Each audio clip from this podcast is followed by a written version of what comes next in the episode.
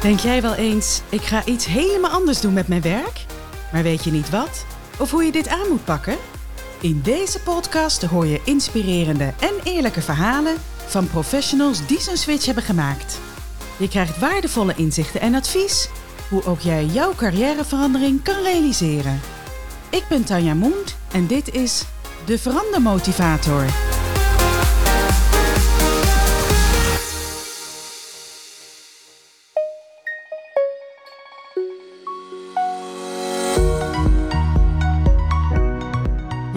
leuk dat je weer luistert naar een nieuwe aflevering van de Verandermotivator.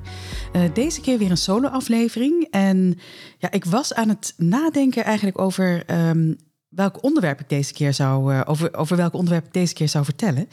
En het was eigenlijk uit welke van de honderd ideeën die ik heb. maar goed, um, ik bedacht me ineens, ik realiseerde me eigenlijk ineens dat ik nog niet mijn echte grootste transformatieverhaal heb verteld.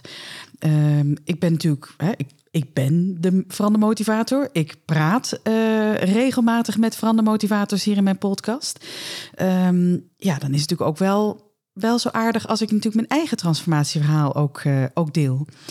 En nu heb ik natuurlijk wel wat verteld over de transformatie waarin ik zit qua, qua werk. In ieder geval de, de, de, de switch van freelancer naar meer gaan ondernemen. Maar uh, dat heb ik ook lange tijd eigenlijk zelf gedacht dat dat mijn grootste transformatie was. Maar ik kreeg recent nog een keer de vraag uh, van, van een business coach: van wat is je nummer één transformatieverhaal? En op dat moment ben ik, nou ja, even weer een beetje gaan reflecteren op uh, nou, de, afgelopen negen maanden zo'n beetje. En toen realiseerde ik me ineens dat dat mijn transformatieverhaal eigenlijk veel fundamenteler is dan puur de switch die ik nu aan het maken ben. Dat is natuurlijk ook een, een feitelijke verandering. Maar wat ik echt als mijn nummer één transformatie uh, voor mezelf ook zie, um, ja, die ligt nog wel even een paar lagen dieper. Uh, dus daar wil ik je eigenlijk deze aflevering wat meer in, uh, in meenemen.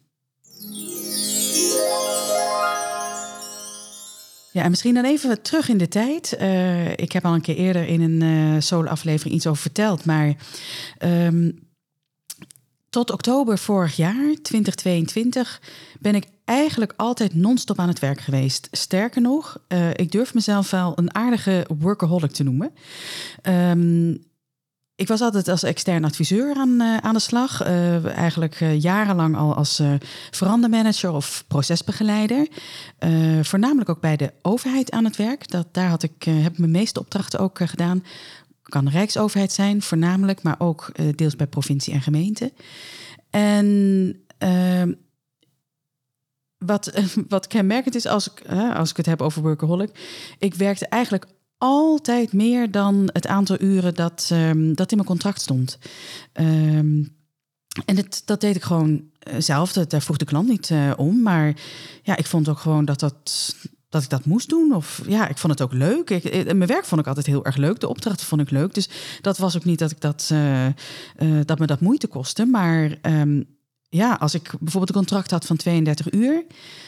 ja, dan werkte ik gewoon standaard 45 uur of meer. En uh, ja, voor, de, voor die extra uren werd ik verder niet betaald. Dus dat deed ik echt gewoon helemaal, helemaal zelf. En ja, er waren natuurlijk ook wel eens collega's die vroegen: Waar, waarom doe je dat? Maar ik kon gewoon ook niet anders. Ik, ja, op de een of andere manier vond ik altijd dat ik dat uh, moest doen. En, en sterker nog, als er dan uh, ook nog piektijden waren in een, uh, in een opdracht, want dat heb je altijd nog wel vaak hè, van, die, van die projecten, die dan altijd wel ergens naar een deadline toe oplopen. Nou, dan kon het zijn dat ik nog wel een paar tandjes erbij zette en, en echt ja, enorme, enorme werkdagen maakte. En ik weet ook nog dat ik, dat was bij een vorige opdracht, dan had ik ook um, uh, op een gegeven moment, moesten we soms ook s'avonds uh, werken, want er werd er een, uh, werd een soort training gegeven.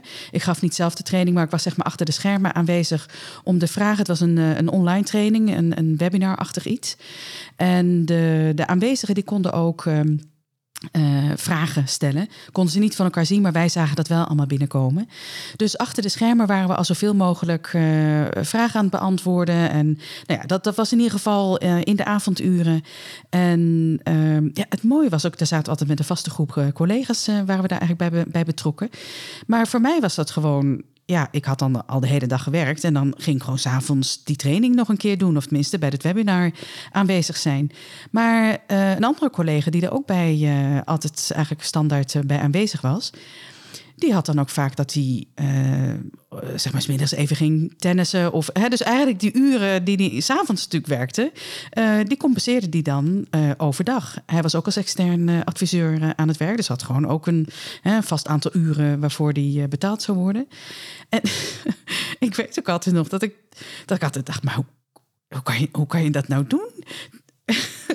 ik zou, Tenminste, ik vond het prima dat hij, dat hij ging tennis. Maar ik kon het voor mezelf gewoon niet bedenken dat ik. Um, ja, dat, dat ik gewoon overdag dan even een paar uur, of wat was het, twee uur, zeg maar, heel iets anders zou gaan doen.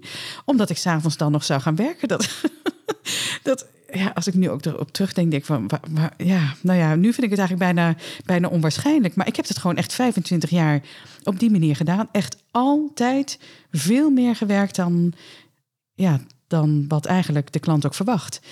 Je houdt ook zelf iets in stand wat, wat eigenlijk helemaal niet zo handig is. Maar goed, nogmaals, um, ik vond mijn opdrachten altijd heel erg leuk. Dus ik deed het ook echt met plezier. En, en ja, het voelde ook echt dat ik ook eigenlijk niet anders kon. Dus dat, uh, ja, het hoorde er gewoon bij. Dus ja. Ja, en natuurlijk waren er ook wel eens keer momenten dat ik op een gegeven moment dacht van... Ja, ik steek wel heel erg veel tijd uh, in het werk. Um, dat kon ik zelf voelen. Uh, soms was er ook een, uh, wel een vriendin die uh, eens een beetje aan mijn jasje trok. want ik, ik kon eigenlijk ook over niet heel veel meer praten dan, dan mijn werk. en ik had dan vaak nog wel wat vermakelijke verhalen. Dus het was niet alleen maar heel saai. Maar ja, het was toch wel eigenlijk voornamelijk werk dat de klok sloeg. Dus zo nu en dan kreeg ik ook nog eens keer dan enige feedback van, van een vriendin.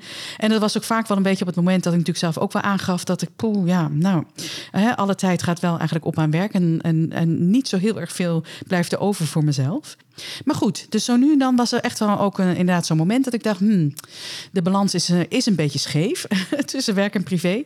En dat was dan ook wel vaak het moment dat ik dan toch wel ook iets voor mezelf ging, uh, iets nieuws ging ontdekken. Of iets van een hobby. Of, uh, en vaak was het dan, had het ook wel iets te maken met sport. Ik vind het altijd wel lekker om, uh, om ook uh, nou ja, wel in beweging te zijn. Ik ben niet zo'n uh, ik ben niet een, een, een vreubelaar of creatief in de zin van tekenen of schilderen of dat soort dingen. Dat is allemaal niet aan mij besteed. Maar sport vind ik altijd wel heel leuk om, om te doen. En ik vind het ook altijd leuk om weer iets nieuws te leren. dus eigenlijk was dat ook wel, als, als ik dat nou ja, zo'n gevoel had van hmm, niet helemaal meer, meer happy met de balans, dan, ja, dan ging ik op zoek naar, naar iets leuks. En wat ik wel dan vaak deed, is uh, ik ging dan eigenlijk bijna altijd wel trainen met een, um, met een trainer. Uh, want ik kende mezelf dan ook wel weer. Als ik, als ik het echt helemaal zelf zou moeten doen, zelf naar een gym of nou ja, wat ik dan ook zou gaan doen. Uh, ja, dan, ja, dan liet ik werk toch eigenlijk altijd weer voorgaan. En uh, dan schoot het er weer bij in. Dus nou ja, dat was ik inmiddels wel. dat had ik inmiddels wel geleerd. Ik, um, ik moet een stok achter de deur hebben. Dus ik ging inderdaad vaak wel dan met een trainer trainen. En dan heb ik een afspraak. En dan voelt het ook dat ik die afspraak moet nakomen. Dan, dan ben ik ook niet de type die dan iedere keer opbelt: nee, ik kan niet, want het werk is druk. En uh, dan vind ik ook dat ik dat uh, moet doen. Alleen. Wat, wat ik dan deed, ik, het was niet dat ik mijn werktijden dan ging aanpassen, maar uh, de, de, die sport die kwam er gewoon nog eens bij. Uh, dus ik had gewoon nog steeds mijn lange werktijden. En de sport, die, die, die moffelde ik ergens in. Uh, of nog wat later op de avond, of misschien in het weekend. En, uh, ja, en ondertussen was ik eigenlijk heel erg blij dat ik toch wat tijd aan mezelf besteedde. Um, dus ja, ik ging uh, dapper door met mijn harde werken. Uh, en, en pluste daar ook nog wat, uh, wat, wat inspanning bij op. Maar goed, dat, dat werkt ook altijd weer ontspannend natuurlijk ook. het is, het, ik vond het altijd wel heel erg lekker om dan ook wel inderdaad met sport bezig te zijn. Wel frappant natuurlijk dat, dat het er allemaal erbij komt.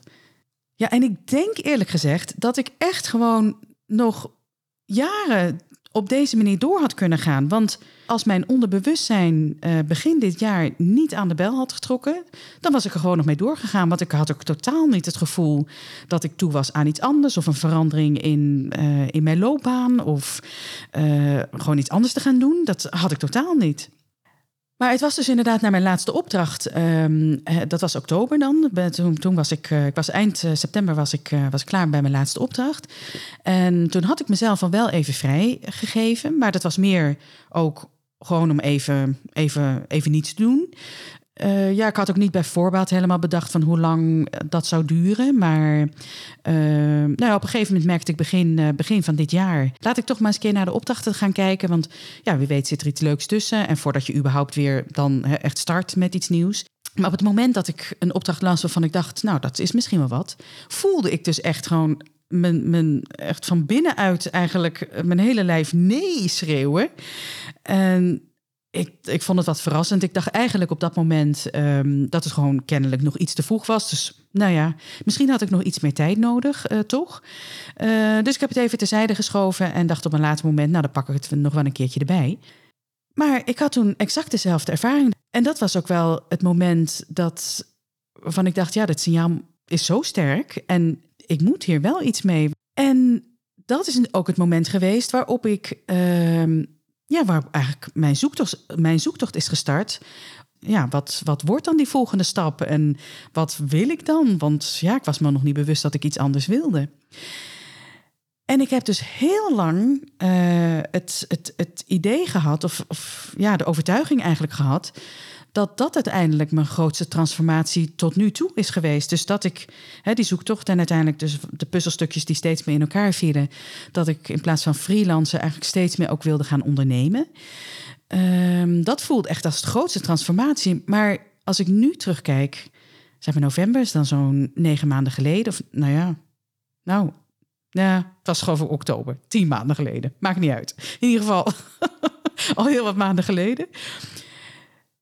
Nu realiseer ik me dat het eigenlijk al die tijd een zoektocht meer naar mezelf is geweest. En ja, misschien dat er in mijn omgeving, aan wie ik dit allemaal al, met wie ik het allemaal gedeeld heb, dat die het al wat meer zagen. Maar ik, ik, ik was mezelf nog niet zo uh, bewust. Natuurlijk, ik heb wel stappen gezet. En ik heb, ik heb ook echt wel veel meer, uh, omdat mijn onderbewuste eigenlijk zo sterk reageerde, ben ik ook echt wel iets meer uh, op zoek gegaan van, nou ja, iets meer een balans tussen hoofd en, en lijf.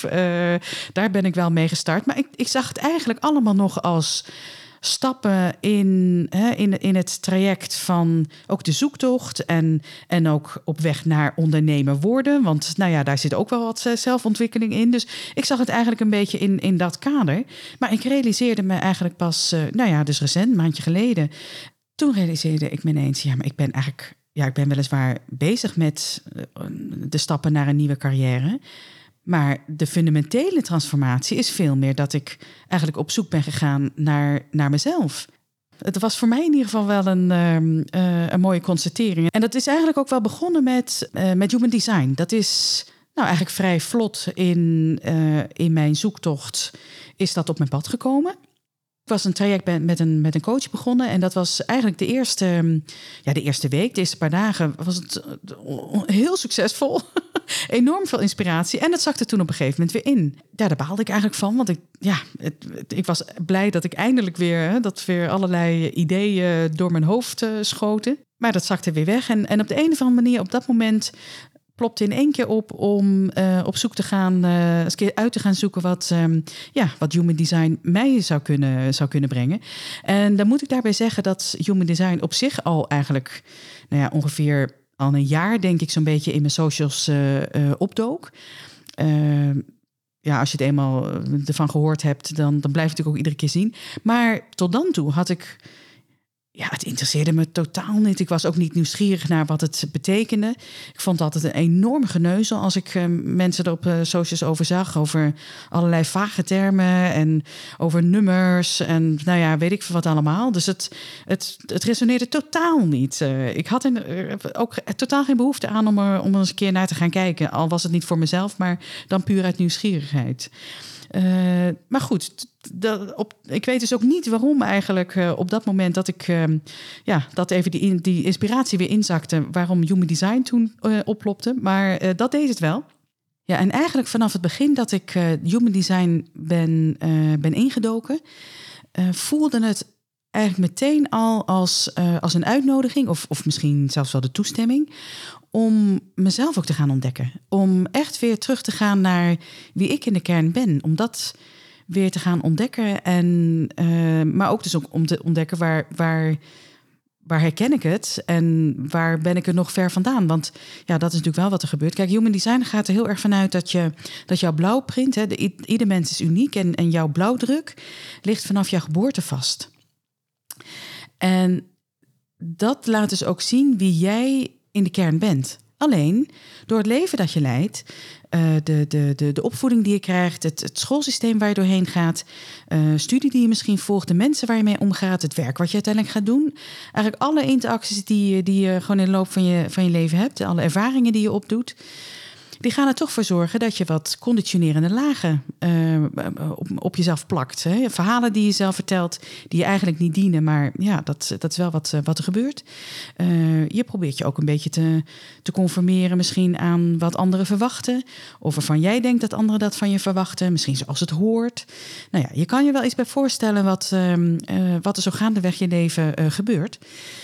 En, maar als je dan jouw design gaat lezen, als je daar informatie over, over krijgt, dan zie je in één keer van hoe je eigenlijk vanaf je geboorte was. En dan wordt het ook vaak wel een beetje duidelijk dat, hè, welke punten je heel sterk herkent. Want het is natuurlijk niet dat je 100% helemaal anders wordt. Maar, um, nou, dus je zult echt herkenning hebben. Maar je zult ook uh, zeer waarschijnlijk ook wel wat herkenning hebben in de valkuilen. Nou, en dat had ik ook. Uh, eigenlijk vanaf, het, uh, vanaf de start, wat, wat ik heel erg leuk vond om te, om te zien, was ehm, ook terug te zien in mijn design, wat ik ook dus van mezelf echt wel, wel ken, is nou, de absolute behoefte aan afwisseling. Um, ja, het ook meerdere dingen tegelijkertijd doen. Dus ook meerdere projecten. Dus ook als ik in mijn werk dan, dan bijvoorbeeld denk van ja, dat, dat is uh, juist ook heel belangrijk voor mij. Niet met één ding bezig zijn, uh, maar vooral wat, uh, wat afwisseling. ook heel veel energie. Ja, dat herken ik ook zeker. Um, de, de, de, de kracht van mijn stem, die, dat, dat weet ik ook. En dat, nou ja, dat is wel heel erg duidelijk terug in mijn, in mijn design. Sterker nog, het hele idee van mijn podcast, wat ik toen al had op het moment dat ik echt mijn design indook, staat er eigenlijk in. Dus dat, vond ik echt fantastisch om dat, eh, om dat te zien. Um, maar bijvoorbeeld ook mijn intuïtie. Ik weet dat ik echt een hele sterke intuïtie heb. Maar ik weet ook dat ik daar lang niet altijd naar luister. Of in die zin, dan hoor ik, of hè, ik, ik voel die intuïtie. Ik, ja, ik hoor hem. Eigenlijk is het voor mij ook altijd wel een stem.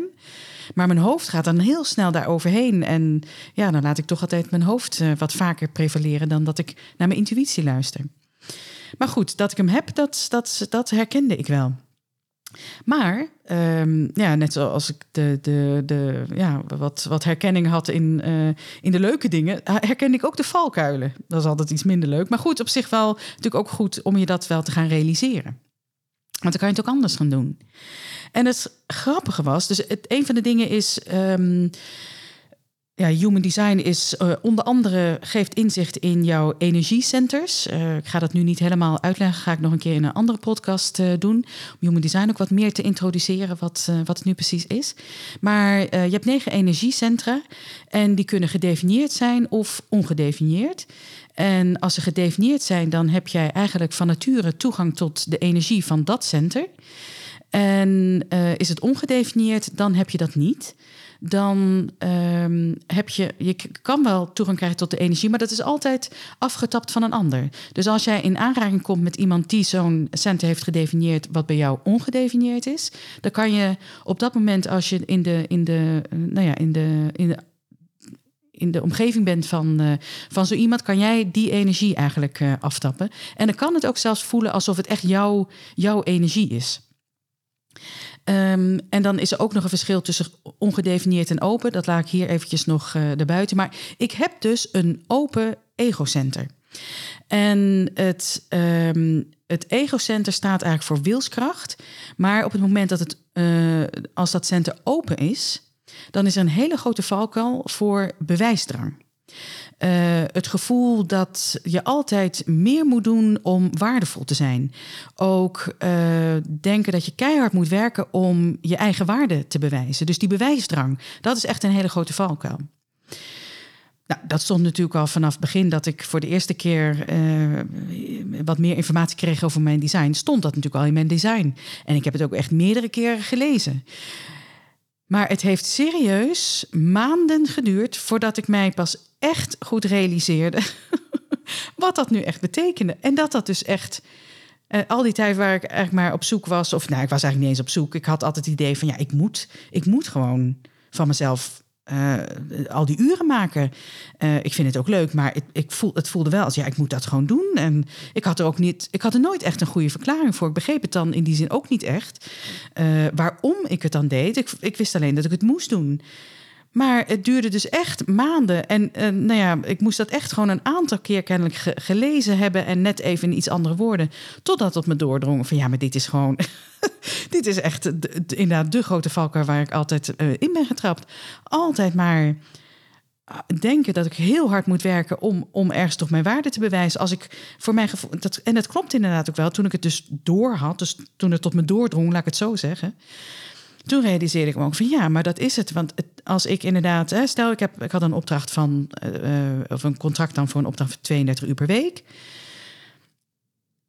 Dan voelde het ook niet goed of niet goed genoeg als ik alleen maar die 32 uur zou werken. Ik moest dus altijd meer werken om, vond ik van mezelf, om dan ook die waarde te leveren. Terwijl ik dat met die 32 uur ook deed. Maar dat, zo voelde dat voor mij niet. Dus die bewijsdrang, en al die tijd die ik eigenlijk uh, aan werk heb besteed en werk altijd zo belangrijk heb, uh, heb gemaakt. Nou, ik, dat was eigenlijk een dubbele eye-opener. Aan de, aan de ene kant dat, dat, dat ik nu dus eindelijk voor het eerst pas echt snapte waar het nu vandaan kwam. Maar ik vond het ook zo verpand dat ik al maanden eigenlijk met human design bezig was. En, en de, deze tekst echt al meerdere keren had, had gelezen. Maar dat het echt maanden duurde voordat het tot me doordrong. Hmm, maar hier zit wel een hele kern van waarheid. of in ieder geval waarheid. En laten we een, van een hele belangrijke oorzaak waarom ik dat al die jaren heb gedaan. Een andere valkuil was, die had ik wel al wat eerder, uh, die, die kwam al wat eerder door. En die vond ik heel verrassend.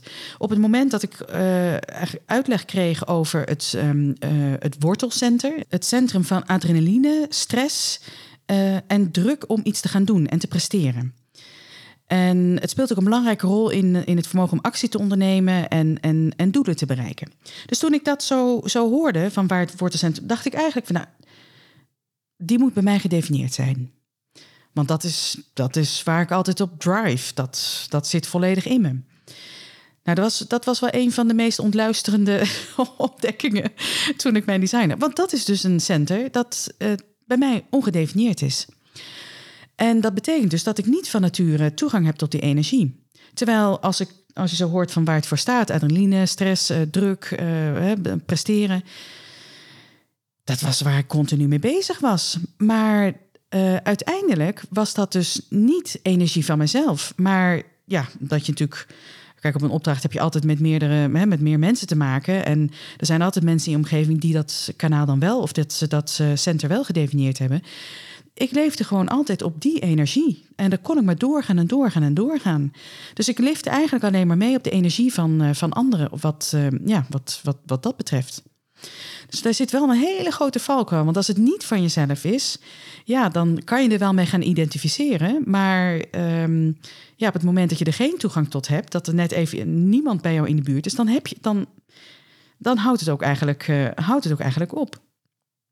Dus ik vond het wel heel fascinerend om, uh, nou ja, die, die inzichten, dat, dat waren eigenlijk de eerste inzichten ook, om, om dat uh, te zien. En eigenlijk want dat op een gegeven moment ging natuurlijk ook wel een beetje terugdenken uh, aan, aan, aan al die opdrachten.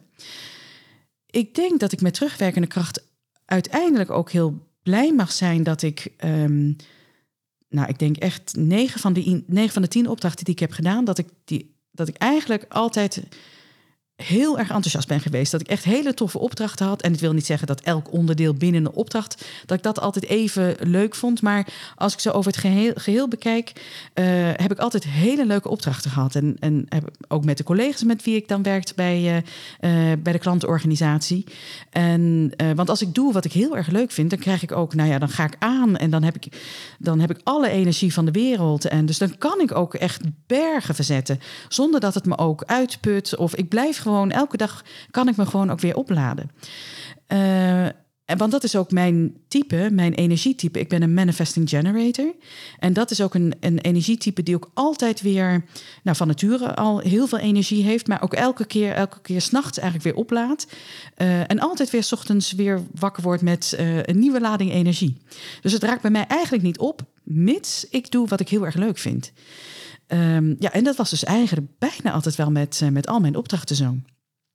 Want ik weet zeker dat als dat niet het geval was, want zeker als ik dan kijk naar, eh, naar dat wortelkanaal wat dan helemaal niet, of het uh, wortelkanaal of het wortelcenter wat dan niet gedefinieerd is, waar ik eigenlijk alleen maar uh, op, op, op energie meelift van anderen, nou dan was ik geheid een keer onderuit gegaan.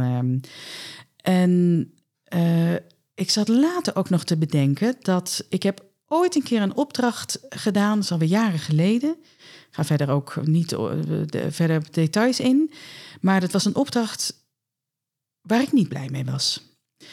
Uh, daar ben ik op een gegeven moment ook, uh, ben ik ook weggegaan. Daar heb ik niet zo heel lang gezeten. Maar dat, nou, op zich eigenlijk de opdracht zelf, ja, die was ook wel vrij. Uh, nou, dat, de werkdruk was enorm, was enorm. Maar daar kon ik dan nog wel ook de leuke kanten van, van inzien. Maar ja, ik weet het niet. Het, de, de, de, de, organisatie was zeg maar niet mijn organisatie. Daar werd ik gewoon echt niet happy van. En er gebeurden ook dingen waar ik echt ook niet blij van werd.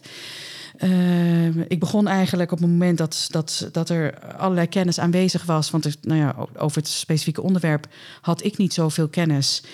Maar ik had vooral de, de, het organisatievermogen wat ik mee zou nemen. En dat was ook prima, want er waren gewoon uh, kennisinhoudelijke mensen aanwezig. Maar ik was nog niet begonnen of uh, die mensen waren weg of gingen weg. Dus ik zat in één keer met een enorme lading aan werk. Hè, gewoon dingen die moesten worden opgezet. Nou ja, wat ik zou doen. Maar ik moest ook nog meteen de inhoud, inhoud induiken, waar ik ja, eigenlijk sowieso niet op had gerekend. Nou ja, de, en er waren meer dingen dat ik vond het gewoon, uh, het was niet mijn plek, laat ik het zo zeggen. Maar het was ook zodanig dat ik inderdaad ook merkte dat ik totaal leeg liep. Echt totaal leeg liep. En uh, echt op momenten dat ik uh, de moed me in de schoenen zakte en uh, ja, ik gewoon ook echt even niet wist hoe ik dit vol moest houden. Maar dit was dus ook echt zo'n uh, goed voorbeeld eigenlijk van, of tenminste, eh, ja, het was jammer dat het zo was gelopen, maar uh, op dat moment deed dus die opdracht was duidelijk iets wat, ja, daar kreeg ik, daar had ik echt niet het plezier in zoals ik dat had met andere opdrachten. En te, laat ik het zo zeggen, er waren te veel onderdelen waar ik helemaal niet blij van was. Dus de, de balans binnen die opdracht was erg scheef. En op het moment dat dat het geval is, ja, dan, dan zakt alle energie weg. En dan heb ik dus inderdaad niet dat vuurtje wat aanstaat en dat, dat ik maar door kan gaan en door kan gaan. En dat is ook een, juist een heel groot uh, signaal om uh, overspannen of, of zelfs in een burn-out uh, te raken. Want als je dan maar toch maar doorgaat, ja, dan heb je eigenlijk niet de energie en dan, ja, dan loop je jezelf eigenlijk helemaal, loop je zelf eigenlijk helemaal leeg. Dus dat, nou ja, met alle informatie die ik had en daar nog eens een keertje aan terugdacht, dacht ik, oeh, ik mag wel blij zijn dat het eigenlijk in, in, in 90, 95 procent van, van de opdrachten die ik heb gedaan, dat ik het gewoon echt heel erg leuk heb gevonden. Want ja, daardoor heb ik het ook al die tijd uh, volgehouden. En, en ja, zo voelt het helemaal niet. Want ja, nogmaals, ik deed het met alle plezier. Maar uh, ja, een, een, een overspannenheid of een burn-out lag zeker op de loer. Maar goed, uh, dus eigenlijk door dit, deze hele zoektocht en, en, en dat ik met Human Design aan de slag ben gegaan en de inzichten die het me ook gaf, uh, ja, was ik al heel wat stappen verder eigenlijk ook om, om mezelf weer wat meer te gaan ontdekken. Uh, waar ik ook nog wat, uh, wat ontwikkeling uh, te doen had. Maar ik ben in oktober ook um, gestart met een coachingstraject. Daar heb ik ook al een, een solo-aflevering voor, voor opgenomen. Een paar afleveringen geleden heb ik wat, wat over gedeeld. En het mooie was ook dat ik met dat coachingstraject ben ik eigenlijk nog een paar lagen dieper gegaan om ook wat meer op zoek te gaan naar de oorzaak van waarom ik eigenlijk altijd deed wat ik, wat ik deed.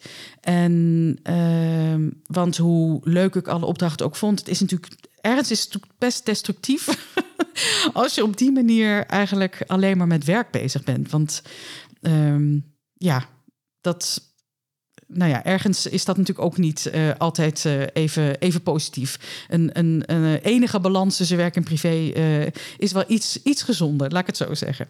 Maar goed, ik ben met meer dingen aan de slag gegaan. Maar dat was in ieder geval wel ook iets om wat ik met dat coachingstraject ook wat, wat beter inzicht heb gekregen. Um, dus heeft me eigenlijk nog meer geholpen om wat meer te gaan begrijpen van uh, ja, waarom doe ik de dingen eigenlijk zoals ik ze altijd heb gedaan? En dat heb je ergens, dat bewustzijn, dat heb je ergens toch ook wel nodig om vanuit daar ook weer andere keuzes te gaan maken. Want onbewust blijf je maar doorgaan, uh, als je dat in ieder geval een beetje onder, nou ja, onbewust laat. Uh, maar dat maakte voor mij ook wel mogelijk om, om daar op een, ja, met andere ogen een keer naar te gaan kijken. En uh, ja, we hebben natuurlijk niet alleen maar naar, naar de oorzaken gekeken, maar we hebben ook gekeken van wat in het coachingstraject, maar wat is, waar zit nu echt mijn mijn verlangen. Wat zou ik nou heel graag willen? Was even zoeken, maar op een gegeven moment, nou ja, ik had de knop gevonden. en toen was het echt wel heel frappant dat het was voor mij zo sterk dat ik ook voelde van ja, ik wil, ik wil de ruimte in, of mijn plek. Dat was het eigenlijk. Ik wil mijn plek innemen. Echt wie ik ben zonder al die ballast van uh, zelf opgelegde verwachtingen uh, en overtuigingen. En, want dat, nou ja, was ik inmiddels ook wel bewust van, ja, ik denk dat dat het vooral is wat ik eigenlijk niet meer wil. Wat ik, hè, wat in januari mijn lijf dus eigenlijk al onbewust heel lang aan het schreeuwen was: nee, je moet even naar jezelf gaan kijken en andere keuzes gaan maken. Uh, dacht ik dus in eerste instantie van, nou ja, het is een keuze naar hè, op een andere manier mijn loopbaan uh, gaan invullen, of de volgende stap van mijn loopbaan invullen. Maar wat mijn lijf eigenlijk heel hard schreeuwde van, Ga eens kijken naar wat je eigenlijk altijd hebt gedaan. En uh, ga vooral eens kijken welke andere keuzes je voor jezelf wil gaan maken. En uh, wat je niet meer wil en wat je vooral wel uh, wil gaan doen. En ja, dat vond ik wel, ja, dat vond ik wel een hele bijzonder, eigenlijk een heel bijzonder inzicht. Want nou, daar heb ik wat, wat maanden voor nodig gehad om, om me dat bewust te worden. Um, maar goed ja, uiteindelijk is dat wel, als ik kijk uh, van waar ik dan nu sta, om een, een, beetje naar de afronding te komen, want het is, het is wel een heel verhaal. Uh, hoe ik het uiteindelijk ook voor mezelf nu zie, wat, wat mijn, eigenlijk mijn grootste transformatie is, is dat, dat waar ik, nou ja, 25 jaar lang, of misschien eigenlijk wel mijn hele leven, maar qua werkende leven, ben ik alleen maar bezig geweest om mijn tijd en mijn energie aan anderen te geven. En zonder dat het nou zo zwaar voelde, maar dat was wel wat er gebeurde. Ik gaf al mijn tijd en energie als eerste aan anderen. En ergens kwam ik als laatste aan de beurt. En de transformatie die ik nu aan het maken ben, of ja, waar ik toch wel heel wat stappen in heb gezet, is dat ik mezelf nu eigenlijk voor het eerst op de eerste plaats zet. En het voelt wel heel bijzonder om, uh, ja, het heeft even geduurd, maar om daar dan nu achter te komen. Omdat ik vanuit hier weer heel andere keuzes kan maken dan op het moment waarop ik nog dacht dat het echt puur om die carrière switch ging. Ja, als ik dan terugkijk, ja, was het was de makkelijke reis tot nu toe? Als ik terugkijk op sinds begin van dit jaar? Nou, nee. Nee, dat kan ik niet zeggen. Het is, het is een reis geweest met ups en downs. Zo, zo kan ik het beste wel omschrijven. Want het was. Um, ik heb ook hele toffe dingen gedaan. Ook echt uh, hele mooie stappen gezet. Maar tegelijkertijd, of op andere momenten, was het ook echt wel even, even heel erg pittig. Uh, en dat is goed. Dat, uh, dat hoort ook ergens wel bij zo'n fundamenteel traject. Zo voelt het in ieder geval voor mij. Ik denk dat ik het wel voor mezelf zo kan omschrijven. Dat het, is, het, het voelt echt als het beste cadeau, of het mooiste cadeau dat ik mezelf heb kunnen geven. En tegelijkertijd voelt het ook nog steeds als een cadeau dat ik aan het uitpakken ben. Dus ik ben er nog niet. En dat vind ik ook wel weer leuk. Want het voelt ook als, alsof ik nog. Ja, ik ben er nog niet helemaal. En ik ben gewoon heel erg nieuwsgierig wat er nog voor me ligt. En welke ontwikkelingen ik nog door ga maken. Dus ehm, nu stap ik er vooral met heel veel nieuwsgierigheid in. Dus dat, uh, nou, dat is een leuk moment in, in deze fase. Um, ik denk ook dat ik hiermee aan, aan de afronding van deze eh, podcast kom, van deze aflevering. Een heel verhaal, ik realiseer het me. Ik, um, ik geloof dat ik het al een keer eerder heb gezegd. Ik, ik ben niet zo goed in kort en bondig. Um, misschien is dat, moet ik maar dat eens een keer als doel gaan stellen. Om dat, uh, om dat toch voor elkaar te krijgen. Om ook de solo-aflevering wat korter en bondiger te, te, te, te houden. Um, maar goed, ja, zo'n zo'n transformatieverhaal, althans voor mij, uh, zo groot, uh, is ook misschien wel goed om daar even wat, uh, wat woorden aan te besteden en wat, wat tijd aan te geven. En ik ben eigenlijk stiekem ook wel een beetje benieuwd wat, um, ja, wat jij daar uithaalt. Of ik kan me, misschien ben je zelf door zo'nzelfde, of niet zo'nzelfde, maar ook door zo'n transformatietraject gegaan. Herken je daar misschien ook dingen in? Ben ik benieuwd hoe jij dat hebt, uh, hebt aangepakt en, en welke trans transformatie dat voor jou is, uh, is geweest. Uh, maar misschien heb je ook wat gevoel dat jij eigenlijk een beetje aan het begin van jouw transformatie staat. Hè?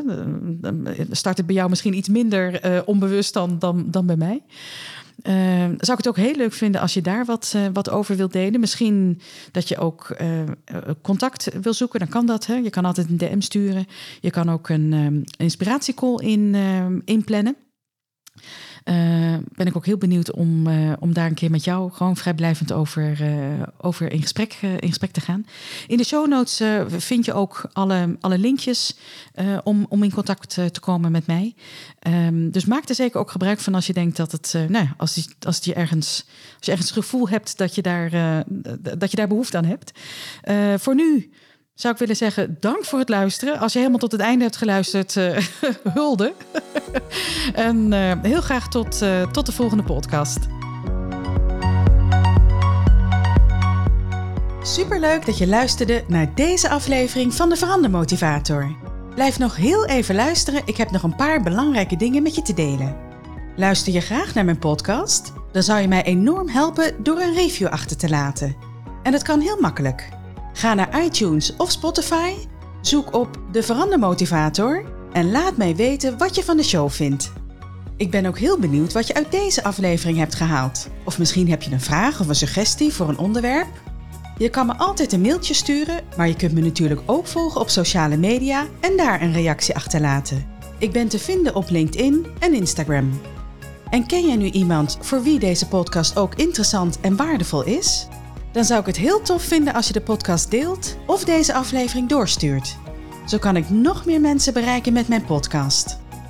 En dan nu even over jou. Overweeg jij een carrière switch of zit je er misschien middenin? En kan je wel wat motivatie gebruiken of zou je eens met iemand willen sparren? Plan dan een gratis inspiratiecall in.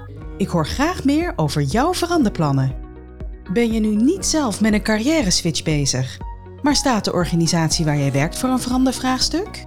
En wil je hierover van gedachten wisselen met een professional? Stuur mij een bericht en ik neem zo spoedig mogelijk contact met je op. Alle linkjes waar je mij kunt vinden staan overigens in de show notes. Wil je je tot slot wekelijks tracteren op een portie verandermotivatie? Vergeet je dan niet te abonneren op mijn podcast. Klik in je podcast-app op de knop subscribe of volgen en je hoeft geen aflevering meer te missen. Nogmaals dank voor het luisteren en heel graag tot de volgende keer.